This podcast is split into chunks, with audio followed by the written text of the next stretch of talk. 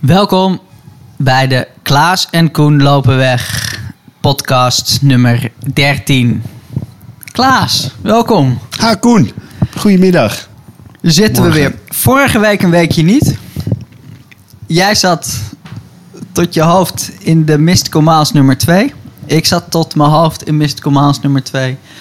En maandag en dinsdag kwam het er gewoon niet van. Want Mystical Miles nummer 2. Precies. A, wat doe jij daarvoor? B, is hij weer de moeite waard? Ik doe daar eh, eindredactie voor. En natuurlijk schrijven. Ik, eh, ik heb me- weer een column geschreven. En ik, ik mocht Abdelkader Benali, de schrijver, interviewen. Over het hardlopen en over zijn buurt. Heel leuk was dat. En, en ja, nou en of die de moeite waard is. Het is een, een feest om, om eh, hier eindredactie voor te doen. En al die verhalen alvast te, mogen lezen voordat ze eh, straks eh, gedrukt staan. Maar het is, ja, het is weer geweldig. We preken natuurlijk. wij zijn misschien niet objectief. Maar als, ik, als ik mezelf als eindredacteur en betrokkenen uitschakel. en ik bedenk wat wil ik als loper lezen. ja, dan is het wel weer een hele mooie selectie. Met, met grappige, mooie, ontroerende, spannende, gekke, rare en ronduit psychedelische verhalen. Kijk, dat is een mooie samenvatting. Wat mij betreft is hij weer gelukt. He- heb je een favoriet verhaal of niet? Al dat je denkt van, joh, Ik vond. Nee, ik kan niet kiezen, dus ik noem er meer. Maar ik vond de column van Hasna El Maroudi. Die, eh, die is aan het trainen voor de, voor de Marathon de Sable. En die vertelt dit keer in haar column iets over, over haar drive om dat te doen. Die met haar afkomst te maken eh, heeft. En eh, die met, eh, met een plan dat ze ooit met haar vader had eh, te maken heeft. En eh, dat is echt, eh, ja, dat is gewoon heel mooi. En oh, welke ik ook fantastisch vind, is eh, het verhaal over eh, de man van eh, achter Essex. De Japanse oprichter van Essex. En nou, hoe hij tot het merk gekomen is. En daarmee ook een, een, een, een spoor van Japanse geschiedenis. ja, Japan van na de oorlog. En dat, ja, dat is heel interessant en heel tof.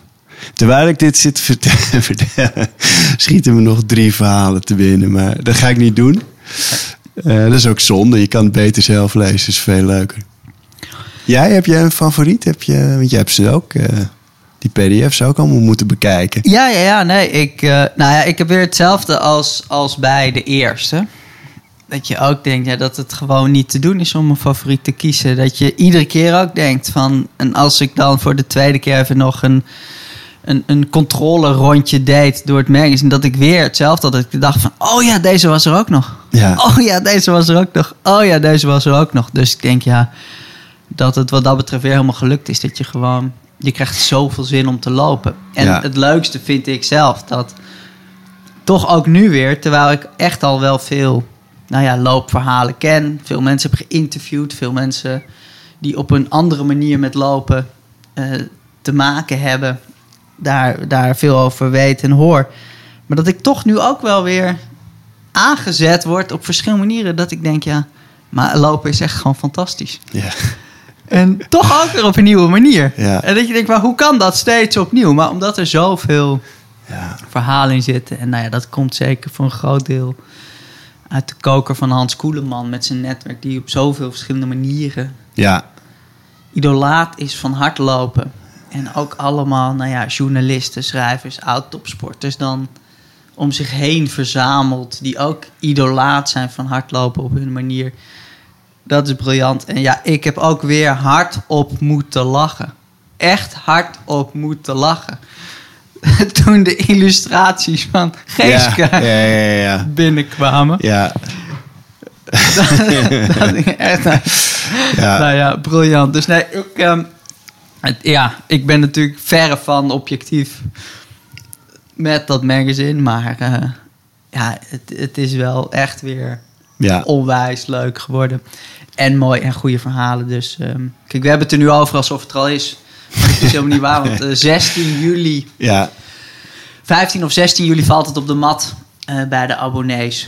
En 9 juli komt het aan bij, bij de drukker. Dus we lopen een beetje op de zaken vooruit. Maar het is wel leuk dat op eh, ProRun en Sportrusten wel al een paar van die verhalen ook, ook mogen delen. Oh ja, Zo cool. van, joh, eh, le- lees dit vast. En dan niet allemaal, maar dat je alvast een beetje voorbeeld eh, kunt hebben. En eh, ja, het is een feestje om het te maken. En Ja, ook toch, als, ik, ik kan proberen om wel. In één ding kan ik objectief zijn. Want dat is gewoon een feitelijke constatering. Is dat de hele breedte van de hardloopsport voorbij komt. Vanaf de baan, 800 meter, 11 lange.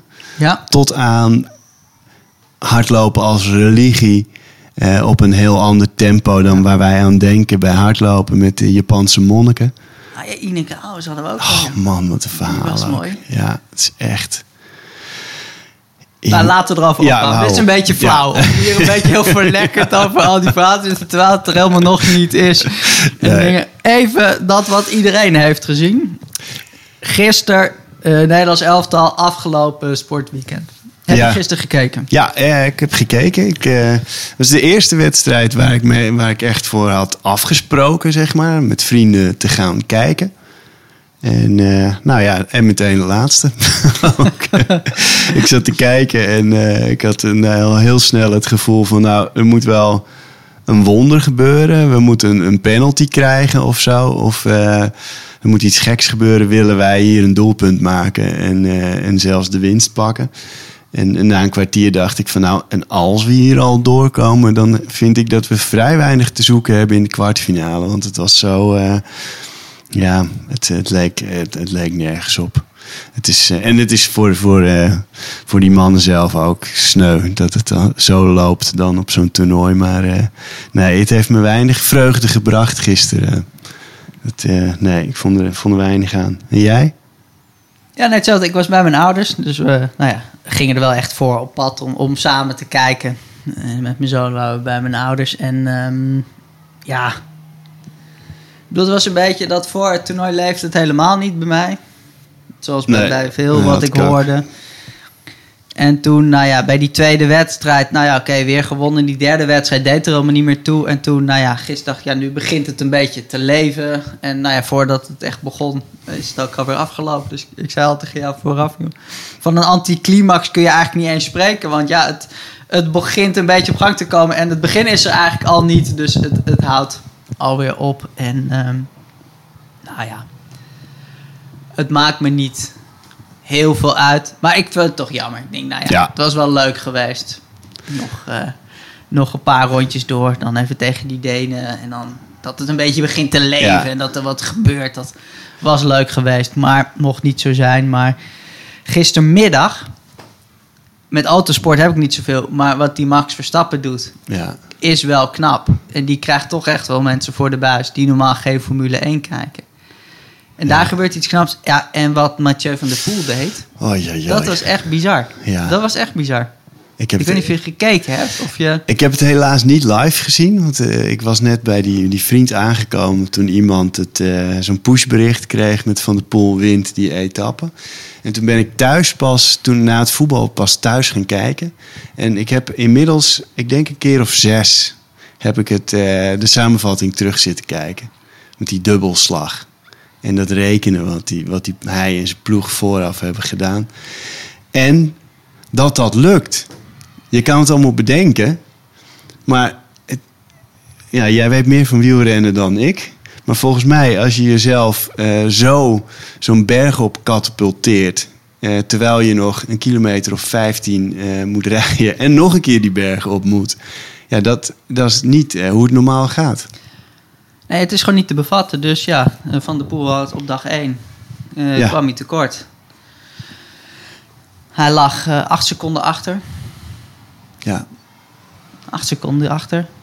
Nee, iets meer. 18. zelfs. 18 seconden 18 achter. Ja, Nou en dan op dag 2, ja, dan kun je weer, als je wint, krijg je bonificatieseconden. Dat was niet genoeg, winnen en bonificatieseconden en dan nummer 2 de vlak achter. Dus wat moest er gebeuren? Hij moest gewoon onderweg ook bonificatieseconden winnen. Ja, en dat je dan gewoon in je pieren uppie, gewoon boem, volle bak omhoog blaast. Nou ja, het melkzuur komt niet alleen je oren uit, maar gewoon alle poriën. En Ja. dat je dat dan doet, ja.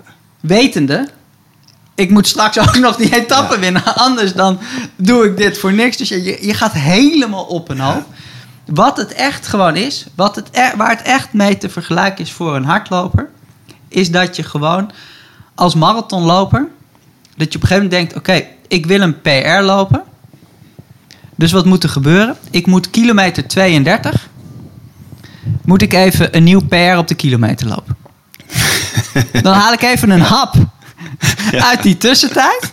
Ja. Ik ga volle bak een kilometer rennen. Ja. Want dan pak ik even 45 seconden. Kilometer en dan moet ik hem 3:13. doortrekken, even doortrekken. Ja. Tot de finish van de marathon. En dan ook mijn PR verbeteren. Dat is echt een beetje in je hoofd. Wat er moet gebeuren en wat hij deed. Ja, en dat in, in zo'n koers. En dat hij het dan gewoon doet.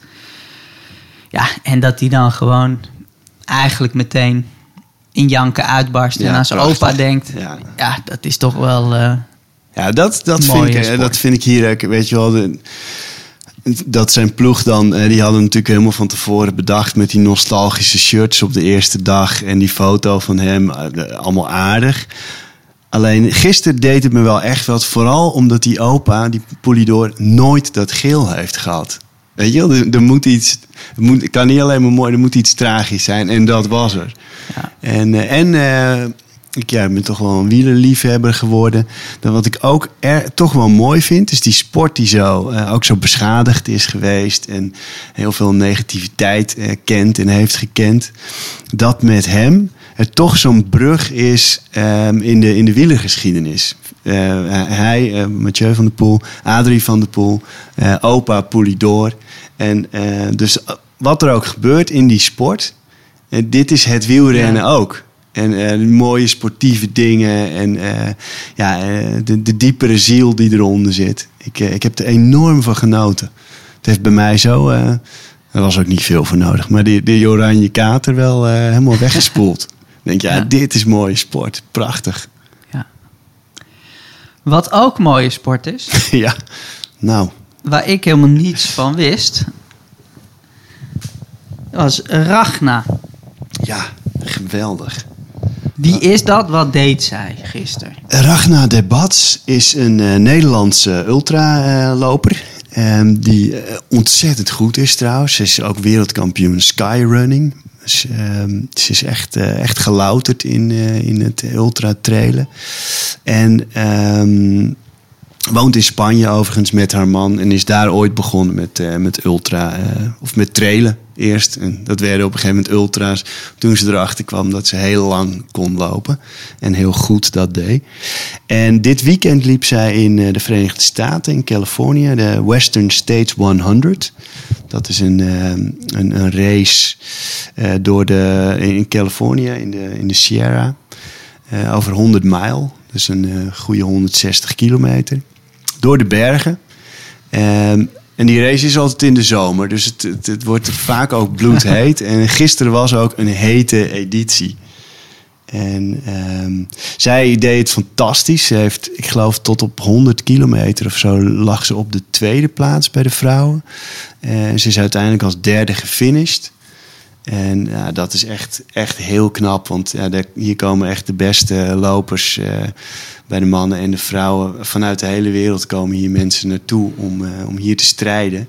Eh, als je daar derde wordt, dan doe je het echt, echt heel goed. En het mooie van deze editie was ook dat je ziet bij dit soort races, en ook als het nog langer is dan dit, dat het verschil tussen man en vrouwen steeds kleiner wordt naarmate het zwaarder wordt. En, ehm, want ja, dan komt het op een gegeven moment op andere dingen aan dan atletisch, eh, atletische potentie, zeg maar. Hè. Dit, komt ook op, eh, ja, op doorzetten, op doorgaan. Eh, en dus zag je dit jaar, normaal gesproken zijn de eerste tien finishers zijn allemaal mannen. En dit jaar waren bij de eerste tien finishers zaten drie vrouwen. Ragna was, was tiende overall. En eh, ja, dat is echt, echt een geweldige prestatie. En het is mo- mooi van die race. Die is trouwens ooit begonnen als een, eh, een race met een paard. Dus je ging met een paard, ging je dan die 100 mijl over de bergen, over smalle paadjes, over keien en rotsen. En dan wie er het eerst was, won. En ergens begin jaren 70 eh, was er een Amerikaan die deed. Zijn paard eh, begaf het. Die, die verstapte zich en eh, kon niet verder. En toen had hij bedacht om lopend verder te gaan. En dat ging eigenlijk best goed. en een jaar daarop dacht hij... kan ik die afstand misschien gewoon helemaal lopend eh, afleggen. Nou, niet veel later was de Western States 100 eh, geboren. en is het nu een, eh, een foot race. Waar het bijna onmogelijk is trouwens om als loper tussen te komen. Want er mogen, ik geloof, 400, 500 mensen meedoen. Dus het is, het is gigantisch moeilijk. Ragnar heeft het voor elkaar, want als je bij de eerste 10 finisht, dan, dan heb je een ticket voor volgend jaar. En die drie dames die in de top 10 zijn gefinished, hebben het voor de mannen ook fijn eh, gedaan. Want als je nu eh, als dertiende man finisht, mag je volgend jaar ook meedoen. Ah. Dus heb je je ticket. Eh, Weet je, wat weet je van Ragna? Ja, ik, ik weet dat ze ehm, eh, ooit voor de liefde volgens mij naar Spanje is gegaan.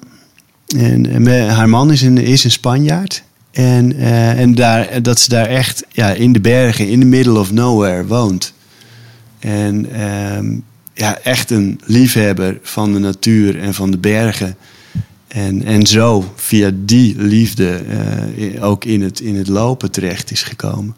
En, ja, en dat ze inmiddels ja, bij de beste paar eh, vrouwelijke ultra-atleten behoort. Een Marathon des Sables gewonnen. Ik, ik zeg dat nu heel casual, maar dat heb ik net opgezocht. dat zag ik net. en, en dus wereldkampioen skyrunning, ik meen in 2018. Dus, eh, en de CCC, dat is een van de races tijdens het UTMB-weekend. 100 kilometer door de Alpen, die ze al heeft gewonnen. En ja, dat zijn wedstrijden, daar komt ja, echt de, wereldtop komt bijeen. En, ehm, en daar, ja, daar doet zij mee. Dus we, we hebben daar echt een, eh, een heel groots iemand lopen. Ja. En de reden dat, nou ja, dat daar eigenlijk weinig over gezegd en geschreven wordt? Ja, nou ja, dat, het begint vaak met eh, hoe- hoeveel aandacht is er voor een sport. En met andere woorden, eh, hoeveel geld gaat erin om. Dat is vaak, eh, loopt een beetje één op één. En, eh, en mensen kunnen zich gewoon. Ja, het is een, een sport die moeilijk in beeld is te brengen, natuurlijk. Want ja, zoals die, die, die eh, Western States is bijvoorbeeld een race van point to point. Dus hè, het zijn ook geen rondjes die ze heb- hebben, Nee. zodat je ze ja, daar een paar camera's neer kan zetten.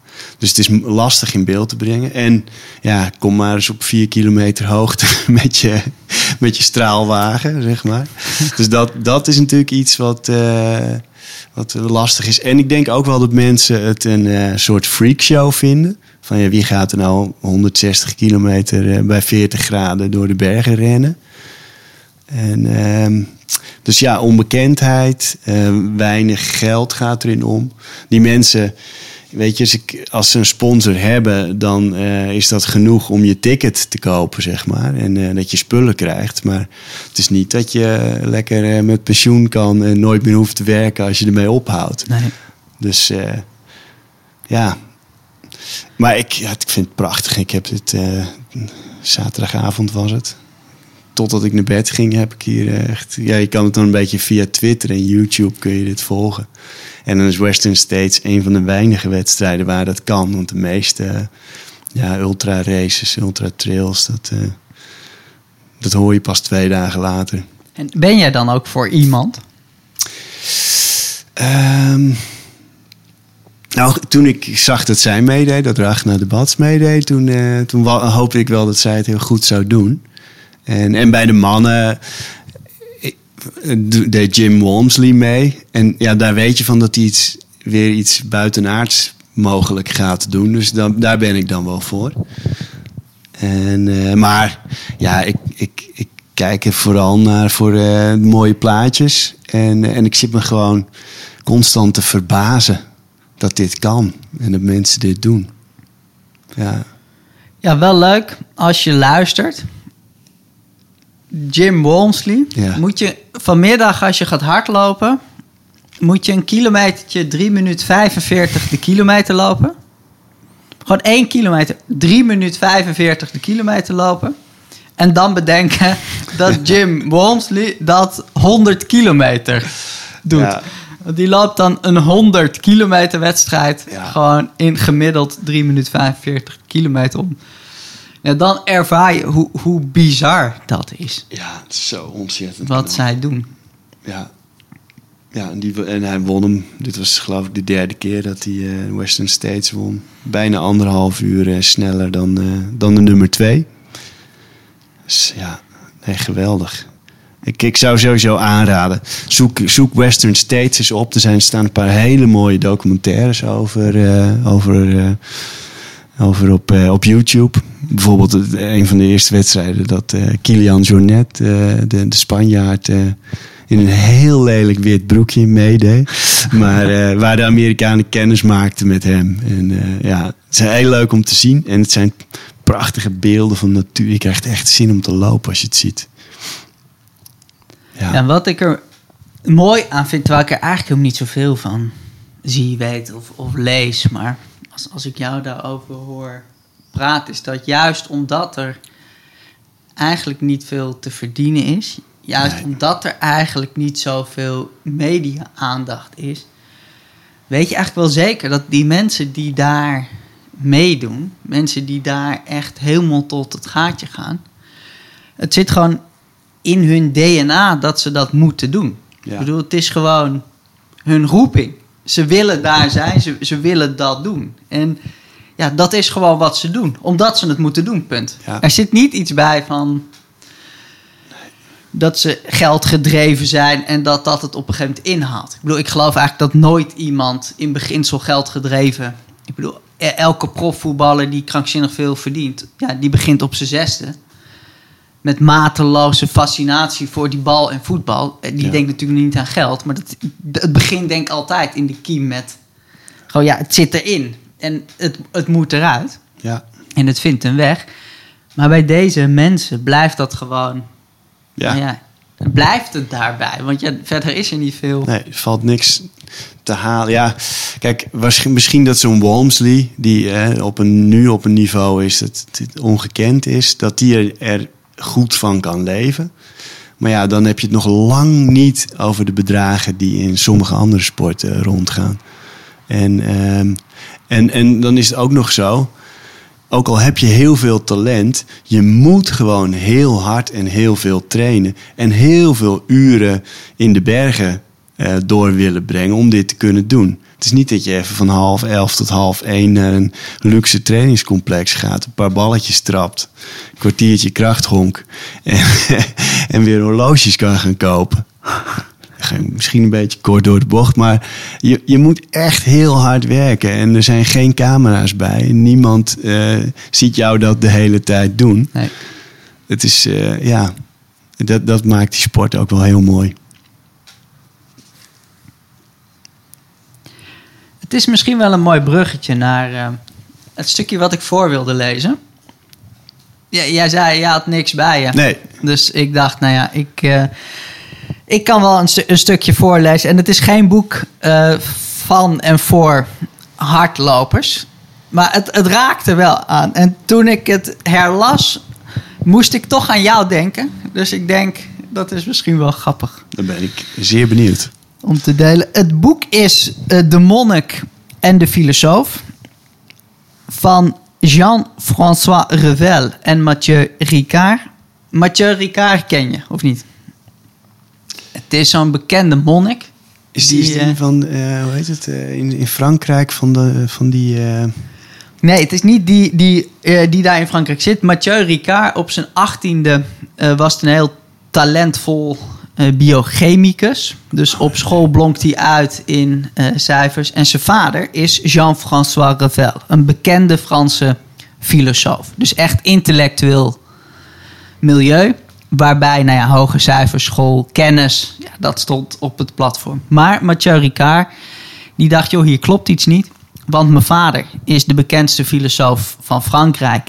En al zijn vrienden en de bekenden die hier over de vloer komen... zijn mensen die op intellectueel niveau het debat zo scherp en hoog voeren. Ze weten ongelooflijk veel. Maar als je ze in hun ogen kijkt... ze zijn niet allemaal gelukkig. En ze weten niet allemaal hoe je een aardig mens bent, een goed mens bent. Dus hier, hier klopt iets niet. Hij gaat naar India... En hij belandt in het klooster van de Dalai Lama. En nou ja, hij, hij wordt monnik.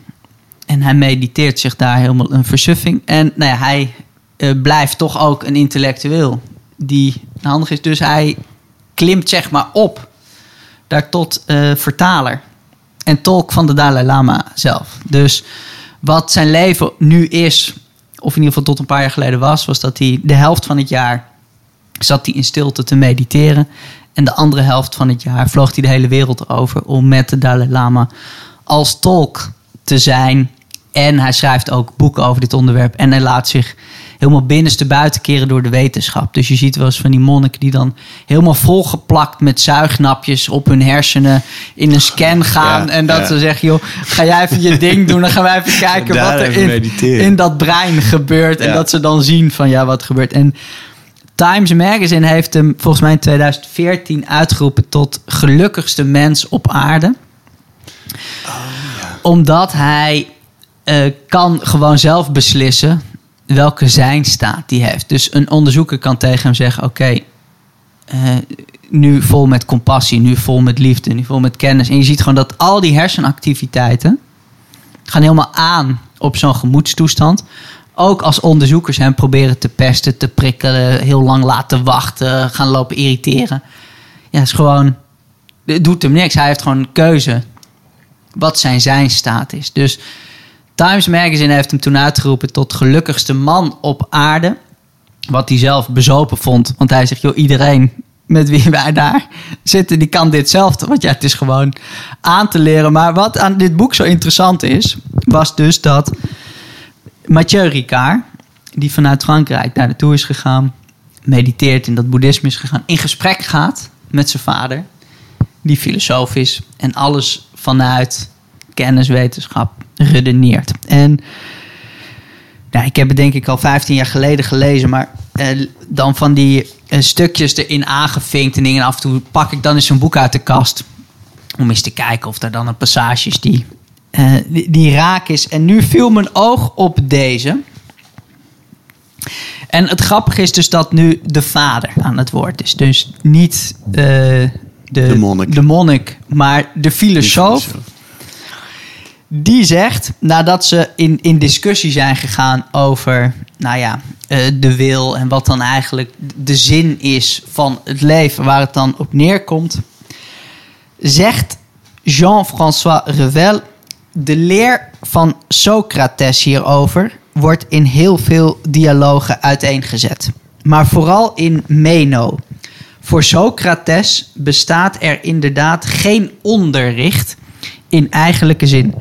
Studeren is in feite zich herinneren. Ieder individu heeft kennis in zich die al voor zijn geboorte in hem aanwezig is. Aangeboren kennis. En wat er tijdens het leven gebeurt, is dat valse kennis, meningen en kunstmatige psychische toestanden het goudklompje in de kern, zoals jij het uitdrukt, gaan bedekken.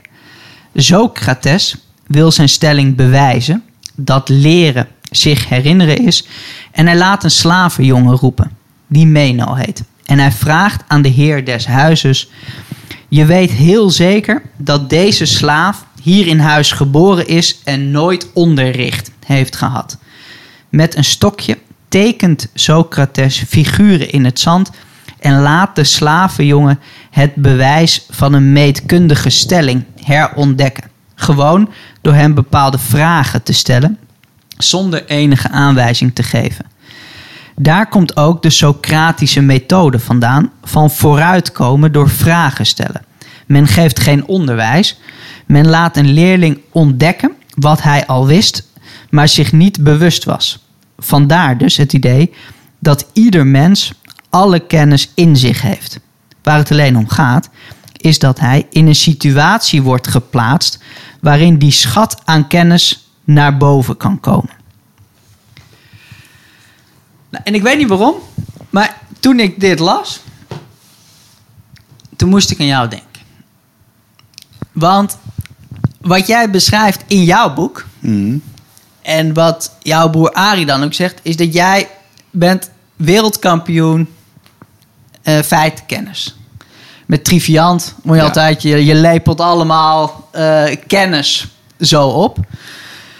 Maar dat al die kennis en aangeleerd gedrag in wat je beschrijft in je boek, dat je mensen wil pleasen. Mhm. Dus al die feitenkennis en al dat aangeleerde gedrag, dat brengt je nergens. Nee. Maar dan ineens, dat goudklompje waar ze het dan over hebben, dat ieder mens een goudklompje in zich heeft, wat dan, zeg maar, nou ja, je, je kunt het roeping noemen, je kunt het basiskennis noemen, je kunt het zijn noemen, wat het ook is, is het. Maar in iedereen zit zoiets van, ah ja, dat was er eigenlijk al. Dat beschrijf je eigenlijk ook letterlijk in je boek. Dat je dan op een gegeven moment tijdens dat hardlopen denkt, ja, maar ik ben gewoon hardloper.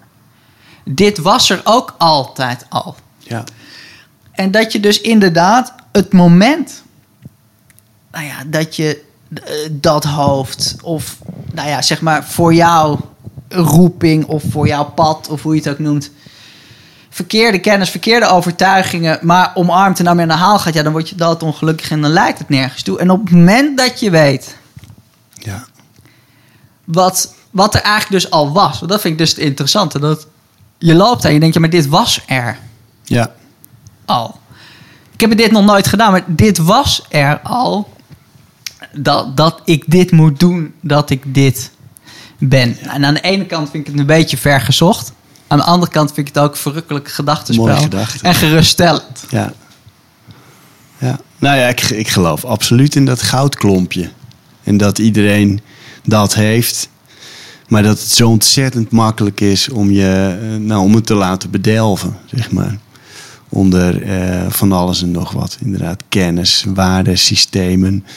En eh, ja, ruis. Ja. ja, mooi. De monnik en de filosoof. Ja, Ja, ik vind het boek om te smullen. Het is gewoon opgeschreven als een dialoog. Er zijn Ja. gewoon twee mannen die met elkaar in gesprek gaan. Een vader en zoon zijn. En het eigenlijk nergens over eens zijn. En toch proberen, allebei echt met open vizier proberen, ja, bij elkaar te komen. En denken, ja, hoe bestaat het dat wij elkaars vlees en bloed- zijn? Dat wij overal anders over denken? Dat, dat kan toch niet echt waar zijn? Er moet toch iets zijn waar we het gewoon eens zijn. En daar, daar gaan ze samen naar op zoek. En, nou ja, dan ontvaart zich een briljant mooi gesprek. En, en dus een heel leuk boek, vind ik. Ja. En dat, mooi. hey, en eh, speaking of eh, het goudklompje, het lopen. Wat, eh, hoe ziet jouw najaar eruit verder? We, hadden het vorig jaar al even over. En ik, ik vertelde al van, ik heb in ieder geval de Amsterdam Marathon. Maar ik, heb jij alweer volop loopkriebels? Nou, ik heb eh, enorme behoefte aan lopen. Ik gisteren hebben wij eh, met een groepje van zes een uurtje gemediteerd in, in het clubhuis in, in Amsterdam. Wat ik echt een, een feestje vind.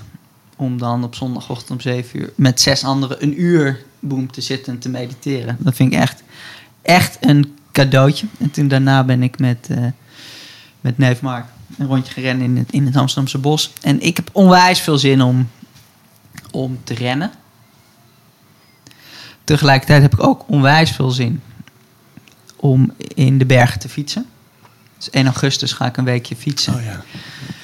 in de bergen. En ehm, nou ja, we, eh, het was mijn voorkeur in principe om, nou ja, hoe wij liepen van A naar B, van B naar C, van C naar D, om gewoon een beetje op de Bonnefoy fietsstassies mee.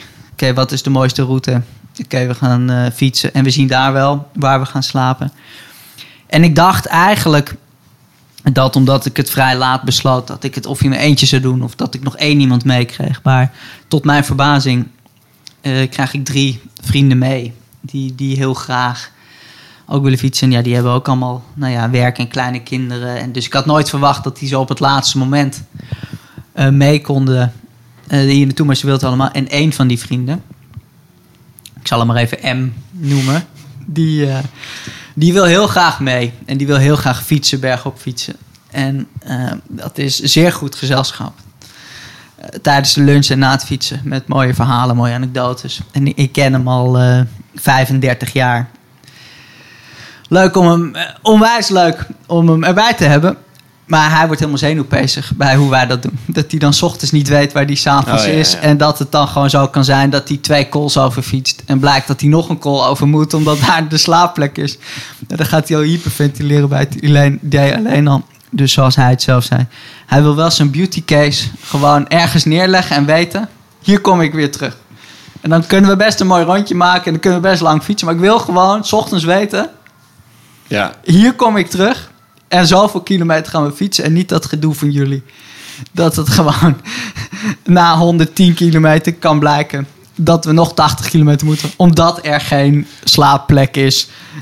en we nog even het dal uit moeten naar een ander plekje. Nou, dat, dat krijgen we niet mee. Dus we gaan, we huren gewoon een huis. oh, ja. En we gaan van daaruit schitterende tochten maken. Je hebt natuurlijk genoeg briljant mooie plekjes. Voor mij is het eh, de voorwaarde dat we gewoon calls in de buurt hebben van hoger dan 2000 meter. En dat je gewoon weet, joh, je kan je hart ophalen met bergop fietsen. En door deze variant denk ik, is een beetje vloek in de kerk daar, maar dat ik ook gewoon mijn trailschoenen in de koffer gooi. En dat ik misschien wel een keer 's ochtends zeg, nou, Ja, ik ga een rondje lopen. ja. En ehm, nou ja, plannen voor het najaar. Ik, ik heb nu een paar keer dat ik gewoon een kilometertje hard heb gelopen. Een paar keer dat ik hard ben gelopen. En ehm, nou ja, mijn knie zegt nog steeds dat ik dat niet moet doen. Nee. Dus ik wil nu vooral gewoon lekker blijven lopen. Dat ik gewoon weet van joh, ik kan gewoon lekker 10, 15, 20 kilometer lopen zonder gemorrel met eh, eh, blessures of pijntjes. En dan hoop ik dat ik eh, eind augustus dat die, eh, nou ja, die, die loopbenen weer helemaal doen wat ik wil. Ja. En dat ik weer gas kan geven. En dat ik dan in twee maanden de tijd train naar ehm 2,59 op de marathon. En dat ik dan met jou ja, dat zou te gek zijn. Ja. eh, dat kan doen. Dat is een beetje wat ik nu ja. in mijn hoofd heb, wat me leuk lijkt. En dan in de tussentijd, ja, als die Ja, er komt evenementen altijd wel wat voorbij. komen. Er zijn zoveel evenementen. En nu durf ik dan er niet erg, want ja, ik weet, als ik een startnummer op heb, dan wil ik toch gewoon keihard. ja. En dan weet ik zeker dat ik toch ook wel door pijntjes heen loop. Wat misschien niet even slim is. Dus ik wacht nog even met startnummers. Maar ehm, ja, goed, als ik jou dan hoor waarin jij voor ingeschreven bent. Of waar jij het over hebt. Dan begint het natuurlijk meteen te kriebelen. Want hoe zit het met de halve marathon in jouw geboortedorp? En ik hoorde jou over de Damloop. Ja.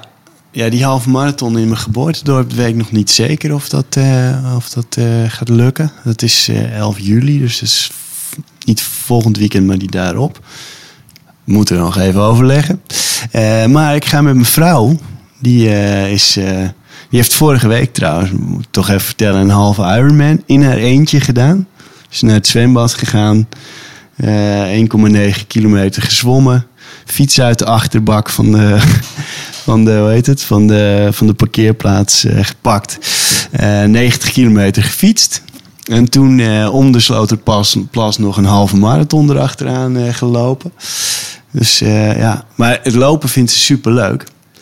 dus dit is eigenlijk voor het eerst dat we dat eh, samen kunnen gaan doen. Dus we gaan samen de Dam tot Dam lopen. Heel leuk. Mooi. Ja. En, eh, ja, en verder, nou ja, je noemde het al, voor mij eh, ook de, de Amsterdam Marathon. En, eh, en verder, ja, verder zie ik het ook wel. Maar goed, doordat die marathon daar nu staat, weet ik dat ik vanaf, wat is het, ergens volgende week, of over twee weken, zoiets, begin ik aan het marathonschema. En dan ga ik daar lekker naartoe trainen.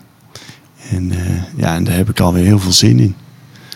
Want jij tempo's en intervallen, Ja. dingen, dat gaat bij jou gewoon goed. Eh, ja, ja, ik heb nu een paar keer eh, wat snelheid gedaan in de training en het gaat prima. Daar heb ik ook geen, eh, geen last van eh, achteraf. Dus eh, ja, last. Kijk, ik, ik heb gewoon vergeleken met eh, zes jaar geleden, zeg maar. Als ik een tempo training heb gedaan, dan voel ik me de volgende dag wel iets stijver dan, eh, dan dat een aantal jaar geleden was. Dus eh, ik merk wat dat betreft wel dat leeftijd een beetje gaat meespelen. Maar ja, dat is, eh, dat is peanuts. Het blijft heel leuk, vooral. En ik vind het leuk om naar zo'n doel eh, toe, te gaan, eh, toe te gaan trainen. Dus ja, ik heb, weer, ik heb er weer goede zin in. Dan hoop ik op een briljant mooi najaar. Ja. Met veel oi- mooie evenementen. Nou ja, en dat het allemaal eh, lukt en doorgaat. En mooi en verantwoord blijft. En dan denk ik dat wij er voor vandaag weer zijn. Ja, Dan zeg ik eh, tot volgende week. tot volgende week. En wordt vervolgd. Moedig voorwaarts.